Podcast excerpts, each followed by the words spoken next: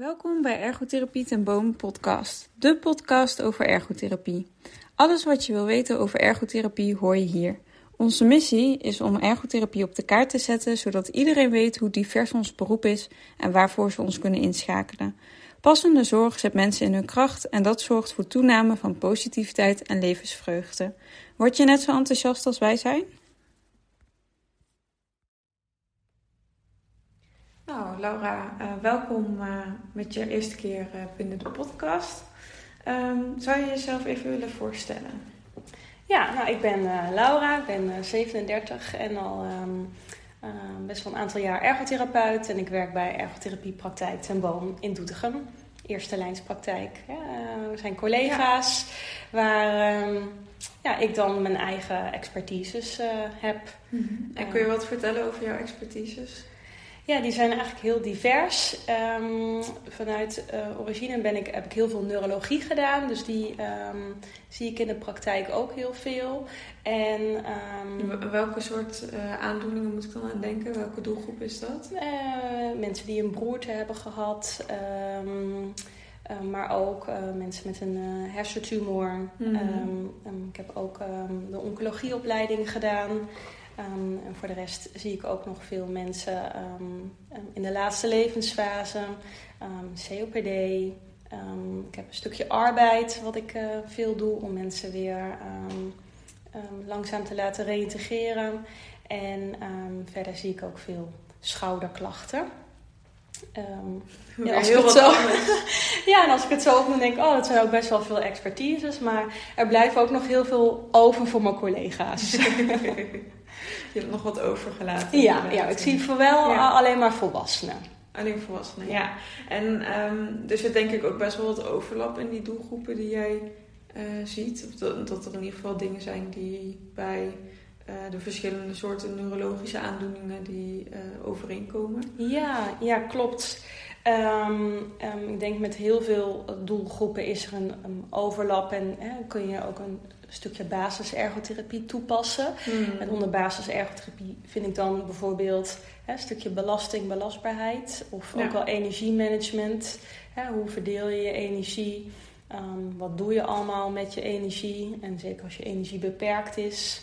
Hè, wat kost veel energie? Waar krijg je misschien energie van? Dat komt eigenlijk bij ja, nagenoeg alle doelgroepen wel um, um, wel, wel terug. Dat is wel een belangrijk item in de behandeling. Ja, ja dat is echt de basis inderdaad. Ja. Ja, je noemde net al dat je ook de COPD-doelgroep uh, ziet. Daar uh, wilde ik het eigenlijk vandaag uh, wat verder over hebben.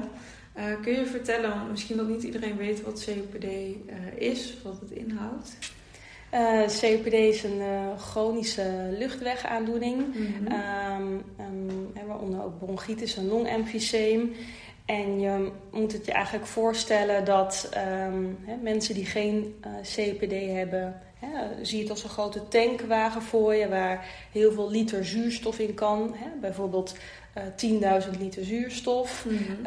um, en dat is de zuurstof die we dan misschien verbruiken elke dag. En uh, mensen met CPD die um, hebben maar de, de, halve tank. Hè? Dus die hebben veel minder zuurstof om te verbruiken mm -hmm. um, de hele dag. En zij ervaren heel snel um, benauwdheid, kortademigheid, uh, hoesten, slijm, uh, piep.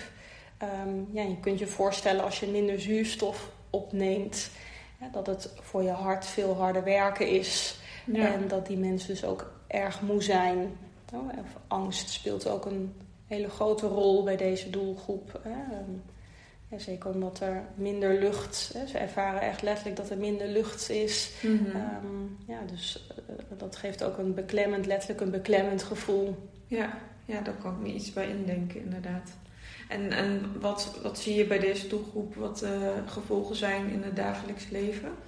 Ja, eigenlijk zijn het echt wel grote gevolgen. Uh, met betekenisvol handelen zie je echt um, stapje bij beetje afnemen. Vaak zien we ook dat er een visueuze cirkel ontstaat. Um, um, van als mensen hè, een, een, activiteit ondernemen en ze worden kortademig, hè, dan worden ze wat terughoudend, gaan ze misschien wat vaker zitten. Of ja, zorgt dat er uiteindelijk voor dat die activiteit niet meer wordt uitgevoerd. Ja, dan kom je in de visueuze cirkel terecht van hè, als je iets doet, dan merk je een beklemmend kortademig gevoel, daardoor doe je minder. Mm. En uiteindelijk zorgt dat ervoor dat spierkracht afneemt, maar ook je longinhoud neemt af, je conditie neemt af. Ja, en als je conditie en je kracht en je longinhoud afneemt, ja, dan kosten activiteiten sowieso meer moeite. Ehm, en ook dus uh, meer lucht. En um, ja, zo zien we dat mensen in een cirkeltje vaak terechtkomen waar ze dan zelfstandig niet meer uitkomen om dat te doorbreken. Mhm. En dat heeft dus hele grote gevolgen voor het dagelijks handelen. Hè, um, sokken aantrekken of zelfstandig naar het toilet gaan of nog net even zelf dat boodschapje halen. Of, um, je ging altijd op de hoek van de straat naar de buurvrouw wandelen om daar een kopje koffie te drinken. Ja, en dat wandelen gaat dan nu niet meer, want je komt uh, benauwd aan. Nou, dat, dat soort dingen. Ja, ja, precies. En wat is dan de rol van een ergotherapeut op het moment dat mensen in zo'n cirkel belanden? Ja, vaak hebben we eerst een heel uitgebreid um, gesprek, hè, een mhm. intakegesprek, um, waarbij um, veel meer de nadruk ook ligt hè, op dat uh, betekenisvolle handelen in combinatie met benauwdheid, angst, maar ook uitlokkende factoren. Hè, zijn er factoren in de omgeving die meespelen waardoor je sneller benauwd bent? Mm en um, ja, dan gaan we ook heel erg um, kijken hoe, hoe dat zich in de loop van de tijd dan heeft ontwikkeld. En waar is dan de kink in de kabel gekomen? Welke zorgverleners zijn er al betrokken? Um, en welke doelen heeft iemand? Hè? En die doelen kunnen dan een eerste stapje zijn naar een, uh, ja, een kleine gedragsverandering. omdat we als ergotherapeut wel met kleine veranderingen vaak toch een, groot, um, ja, een grote verandering teweeg kunnen brengen. Mm Ja, en, en jij zegt welke doelen heeft iemand? Wat, wat zijn voorbeelden, voorbeelden van doelen uh, die je tegenkomt in de praktijk? Ja, dat is heel groot. Um, of heel divers eigenlijk bedoel ik. Um, het kan van een boodschapje doen tot wandelen zijn, tot traplopen. Um, nou, ik heb onlangs een hele leuke casus gehad. Uh, die meneer wilde nog heel graag tuinieren. Mm Ja, dan gaan we als ergotherapeut letterlijk ook ja, met de cliënt de tuin in om te kijken hoe die het doet. Wat kan eventueel anders en hoe zorgen we ervoor dat hij deze waardevolle activiteit ja, zo lang mogelijk kan blijven doen. Ja, dus je hebt niet, niet een vast riedeltje wat je afgaat bij bij de doelgroep COPD dat je zeg maar vaste dingen hebt waar je aan werkt? Nou, er zijn wel um, vaste dingen die we bespreken als mensen dat nog mhm. niet weten. Um, we bespreken wel bijna altijd um, ademhalingstechnieken. En proberen die dan vooral ook de vertaalslag te maken naar de praktijk. Hè. Hoe pas je die dan toe tijdens het traplopen, mits dat dan een doel is, of tijdens het wandelen, tijdens het uh, tuinieren. Um, Um, en naast die ademhalingstechnieken bespreken we ook een stukje houding, omdat de houding een belangrijke meerwaarde kan hebben om meer grip te hebben op de ademhaling. Mm um, maar dan is het vooral heel persoonlijk. Um, hè, dus dat is wel een stukje theorie dat we bijna altijd bespreken, maar dan gaan we het heel erg persoonlijk maken voor ja, welke doelen iemand dan heeft. Hè. Niet iedereen heeft een tuintje, dus hoeft die ademhalingstechnieken bij het tuinieren uh, toe te passen.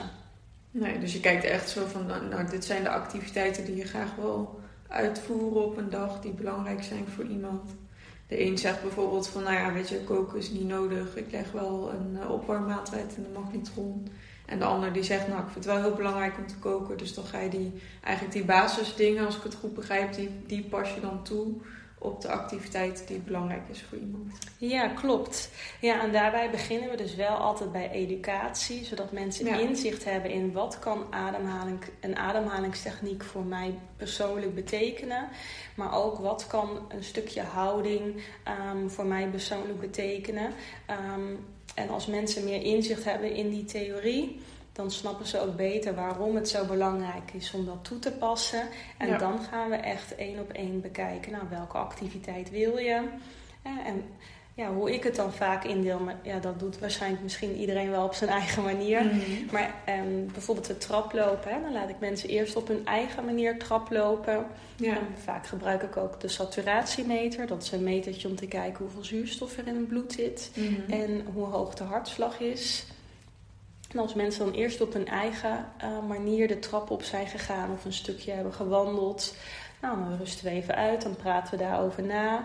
Ehm, en daarna doen we het op de manier met ademhalingstechnieken en met het gebruik van houding of steun. En om te kijken ehm, ja, hoe mensen dat dan ervaren. Want ademhalingstechnieken, een stukje houding, maar ook het tempo aanpassen zijn echt wel eh, drie belangrijke dingen die ehm, ja, voor veel verbetering ehm, in een activiteit kunnen zorgen. Ja, mooi. Ik denk ook wel dat het mooi is dat je het dan zo naast elkaar uitprobeert. Dat mensen ook, dat je kunt ervaren van wat is nou het verschil.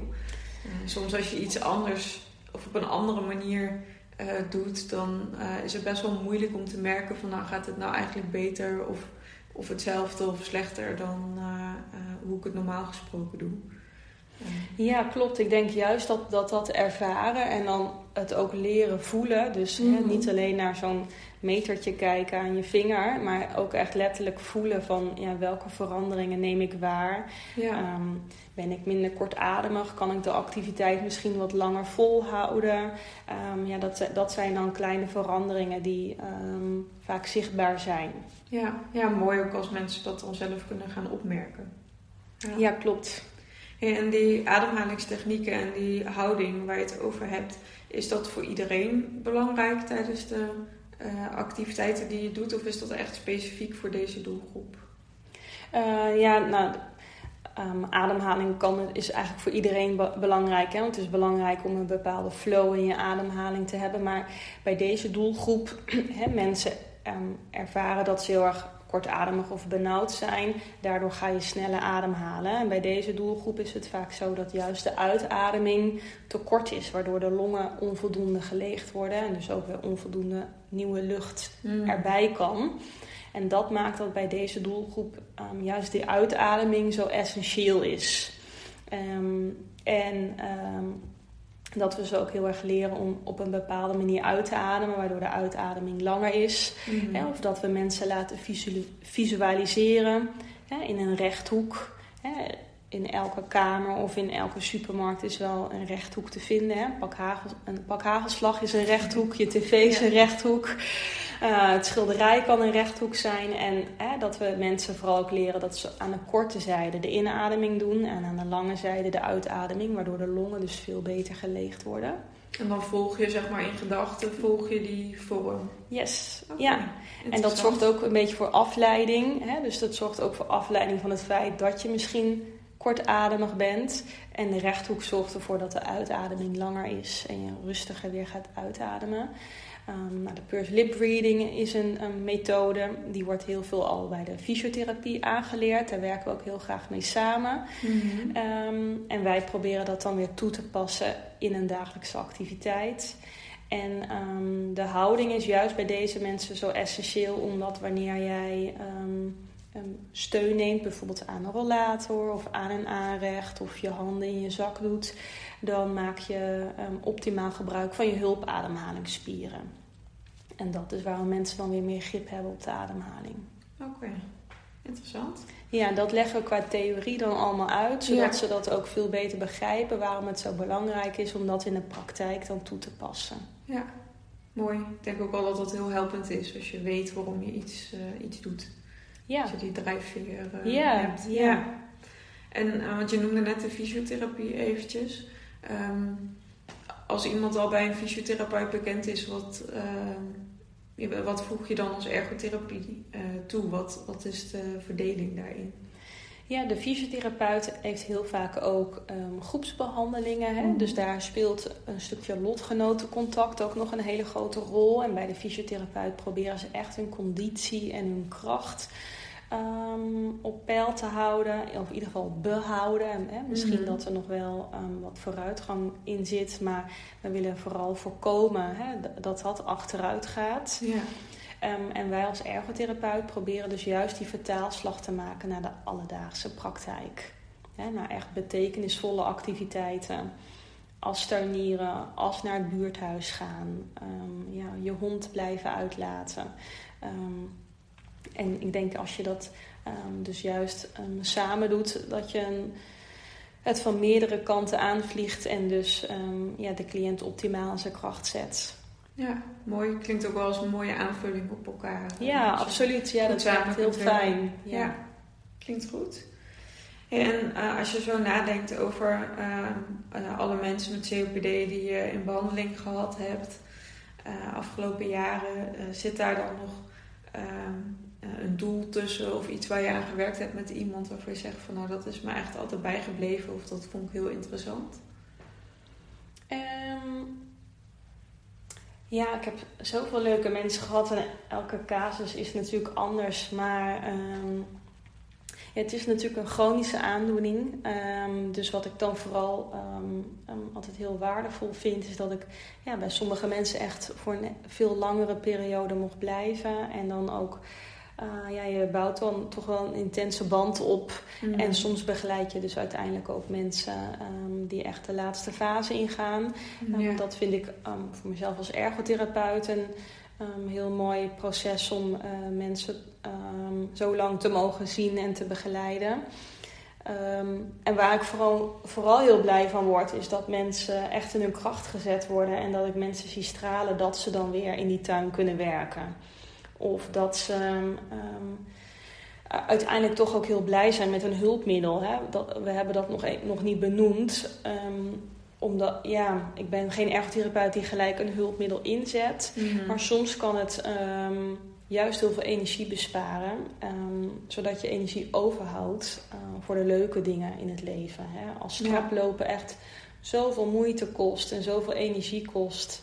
En dat met behulp van een traplift ervoor kunnen zorgen dat je energie overhoudt om toch elke dag met je vrouw samen de hond uit te laten. Um, ja, dan word ik daar uiteindelijk wel heel blij van. Omdat um, dat zorgt voor een stukje kwaliteit van leven. Ja, ja mooi. Fijn ook als mensen uh, juist kunnen kijken van wat, wat vind ik nou het allerbelangrijkst. Uh, is het zo belangrijk om de trap zelf op te kunnen lopen? Of is het inderdaad belangrijker om de hond uit te kunnen laten? Of met de kinderen of kleinkinderen te kunnen spelen? Uh, en dan is het ook mooi als je iemand kunt helpen, lijkt mij, om, om daar die keuze in te maken. Ja, ja, want het is wel een proces. Dat klinkt natuurlijk heel makkelijk. het is heel makkelijk uh, gezegd. maar, maar, voor mensen is het wel ook echt een rouwproces. Omdat ze echt weten, ja, dit, dit, wordt niet beter. Um, en... Um, ja, het is heel fijn om um, dan met ze samen te werken um, en samen te werken naar dat inzicht van ja, wat um, geeft echt betekenis aan mijn leven. Ja, mooi. En als je nou uh, iets zou mogen meegeven aan uh, alle COPD-patiënten die nog geen ergotherapie uh, hebben of hebben gehad, wat zou dat dan zijn? Um, Ga in de buurt zoeken welke ergotherapeut uh, bij jou werkzaam is en of ze um, ervaring hebben met COPD. En ga um, het gesprek eens aan. omdat ik echt denk dat de ergotherapeut het verschil kan maken op het gebied van betekenisvol handelen en dus ook kwaliteit van leven. en ja, ons vak is nog redelijk onbekend bij uh, maar ja, mijn ervaring is tot nu toe um, bijna altijd positief. En dat mensen zeggen, ja, hier heb ik echt wat aan gehad. En wat fijn dat je geweest bent. En um, ja, ik ga dit hè, aan uh, lotgenoten doorgeven. Ja, nou mooi. Ik denk ook een mooie boodschap om, uh, om mee af te sluiten. Uh, bedankt voor het gesprek. Ja, bedankt voor je komst. En uh, nou ja, wie weet uh, spreken we weer nog over een van jouw andere doelgroepen. Ja, heel graag. Bedankt voor het luisteren. Laat ons weten wat je van deze podcast vond en laat een review achter. Volgen en delen helpt ons om ergotherapie op de kaart te zetten. Daar worden wij blij van.